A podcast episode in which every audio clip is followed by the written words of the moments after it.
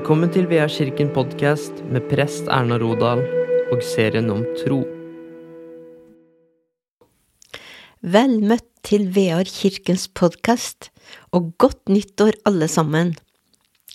Vi har nettopp feira jul, og alt som skjer i kirka, og sikkert mye av det som dere har gjort hjemme også, har dreia oss om det faktum at Gud ble menneske og tok bolig iblant oss, det lille barnet som ble født julenatt i Betlehem, sendt fra Gud, en Messias, frelser, som jødene hadde venta på så lenge.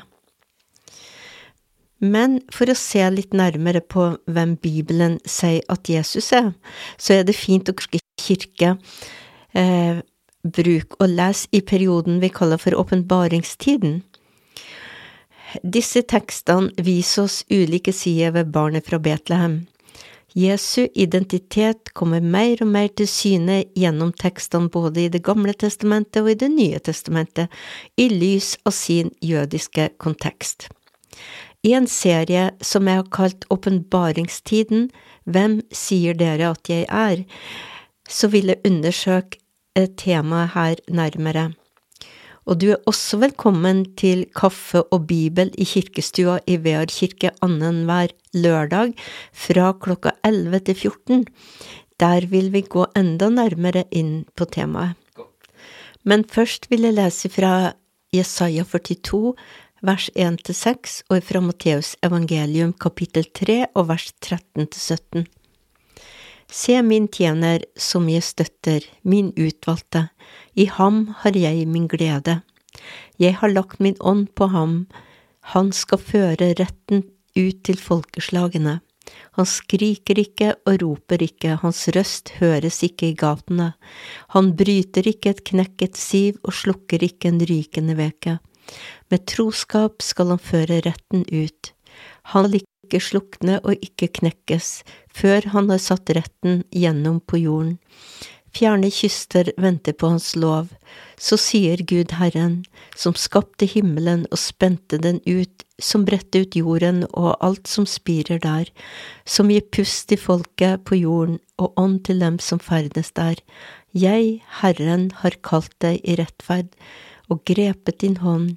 Jeg har formet deg og gjort deg til en pakt for folkene, til et lys for folkeslagene. Og så fra Matteus evangelium. Da kom Jesus fra Galilea til Johannes ved Jordan for å bli døpt av ham. Men Johannes ville hindre ham og sa, Jeg trenger å bli døpt av deg, og så kommer du til meg. Jesus svarte, La det nå skje, dette må vi gjøre for å oppfylle all rettferdighet. Da lot Johannes det skje. Da Jesus var blitt døpt, steg han straks opp av vannet, og se, himmelen åpnet seg, og han så Guds ånd komme ned over seg som en due, og det lød en røst fra himmelen, Dette er min sønn den elskede, i ham har jeg min glede. Jesus var gått den lange veien fra Nasaret i Galilea til området ved Jordanelva der Johannes dreiv og døpte.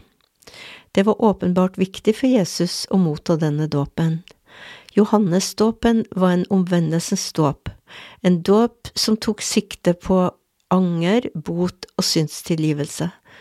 Så på en måte er det litt merkelig at Jesus som er uten synd, vil la seg dø på Johannes, og det syntes Johannes også, for han protesterer kraftig da Jesus ber om å bli døpt av han.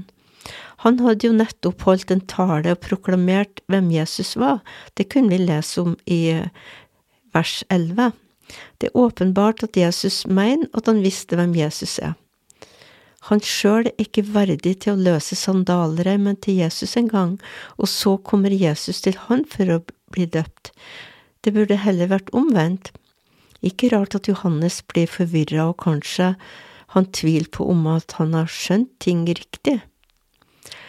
Det er jo Jesus som skal døpe med Den hellige ånd og ild, og er uten feil og uten synd.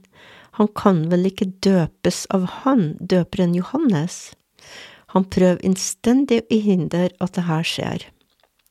Men Jesus sier at det må være sånn for å oppfylle all rettferdighet, Og da er det nok ikke den normative rettferdigheten Jesus mener, men her er det den rettferdighet som skjer etter at Guds frelsesplan er fullført ved Jesus Kristus. Det teologiske poenget her er nettopp det. Når Jesus, han som er syndfri, lar seg døpe med Johannesdåpen, solidariserer han seg med menneskene for å gjenopprette bruddet med Gud. Når Jesus lar seg døpe sammen med den store folkemengden, identifiserer han seg med alle dem som ved å søke Johannesdåpen har vist at de søker en ny begynnelse med Gud. Tingen er at Jesus gjør seg klar for å ta bort alle våre plager og ta bort alle våre, synder og gi sitt liv som løsepenge for oss. Jesu generaldåp, utført gjennom hans lidelse, død, oppstandelse, danna basis for den kristne dåp. Så beskrives det som skjer. Straks Jesus stiger opp av vannet, åpner himmelen seg, og ånden kommer ned over han som en due, og en himmelsk proklamasjon høres. Dette er min sønn den elskede, i ham har jeg min glede. Teksten forkynner den unike relasjonen som allerede består mellom Faderen og Sønnen.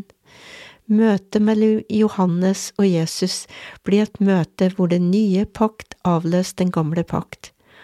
Jesus går, tross Johannes sine protester, inn under Johannesdåpen, som var en botsdåp for syndere.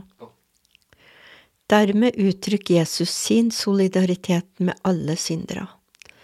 Han går inn i deres sted, utrusta med åndens gaver og med himmelsk erklæring om at han er Guds sønn. Men hva med Guds ånd og Guds ild som Johannes proklamerte om Jesus før Jesus kom for å be om å bli døpt av han? At Jesus først må la seg døpe av Johannes, sier bare noe viktig om fortellinga videre i evangeliet som vi får se utfolde seg videre i um, teksten. Alle Guds løfter vil skje. Gud vil utøse sin ånd over alle folk, som igjen vil bringe Guds ild ned til jorda og gi kraft og redning til Guds folk og fordrive mørket, men det kunne bare skje ved at Jesus, Guds sønn, ydmykt identifiserer seg med Guds folk ved å ta deres plass, dele deres bot, leve deres liv og til slutt dø deres død. Alt dette hadde Gud planlagt og gitt Israels folke løfte om. Da Israel kom opp av vannet i Rødehavet, fikk de loven og bekreftelse på at de var Guds barn, og at de tilhørte Gud. Jesus steg opp av vannet og fikk på en ny måte proklamert at han er Guds sønn, og ett med Israels folk. Den kristne tro og troen på Jesus som Guds sønn, vår frelser, gir bare mening i den grad det hevda å være oppfyllelsen av alt Israel lengter etter, oppfyllelsen av Guds løfter i Det gamle testamentet.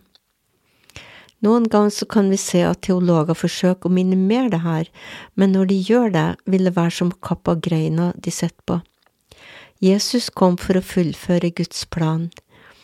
Lær vi å lytte oppmerksomt til Hans røst og nøye følge med på hva Han gjør, så vil vi få erfare at vår lengsel etter Han og det å følge Han der Han går, vil rikelig bli møtt.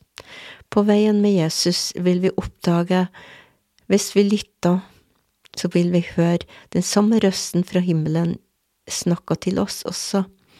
Etter hvert som vi lærer å legge bort mer og mer av våre egne planer og koble oss på hans planer, vil vi få glimt av Guds visjoner og glimt av en større virkelighet. Og i sentrum av et øyeblikk av Guds nærvær vil det plutselig Vær vår kjærlige Far som bekreft oss som sine barn, og utrust oss også med Ånden, slik at våre liv kan føyes reine og gjøres klar til bruk i Guds rike. Ved troen på Jesus så får vi altså del i en ny pakt og en ny begynnelse. For oss her i dag blir det naturlig å løfte fram nattverden som Jesus innstifta for oss alle. I nattverden blir vi ett med Jesus, hans legeme og hans blod, og vi kan gå fram til nattverdbordet og legge fra oss det som tynger oss, og få en ny begynnelse. Det syns jeg passer fint i begynnelsen av det nye året. Ære være Faderen og Sønnen og Den hellige ånd, som var, er og blir en sann Gud fra evighet og til evighet. Amen. Jeg har lyst til å be ei bønn for det nye året, og be litt for deg, du som lytter til podkasten. Himmelske Far, takk for at vi alltid kan få lov til å komme inn for din nådestrone. Jeg ber nå, Herre, om din velsignelse og ditt nærvær over hver eneste en som lytter til denne podkasten. Jeg ber i Jesu navn om mer av din kraft, og jeg ber om en enda større lengsel etter bønn og stillhet sammen med deg. Og Herre ber òg om større åpenbaring og innsikt i ditt ord. Må du, Herre, være med oss gjennom det nye året som ligger foran oss, og led oss ved din hellige ånd, sånn at vi kan gå rett på veien og holde oss nær til deg. I Jesu Kristi navn. Amen. Ta imot Herrens velsignelse. Herren velsigne deg og bevare deg. Herren la sitt ansikt lyse over deg og være deg nådig. Herren løfte sitt ansikt mot deg og gi deg fred. Takk for at du lytta til Vearkikken podkast.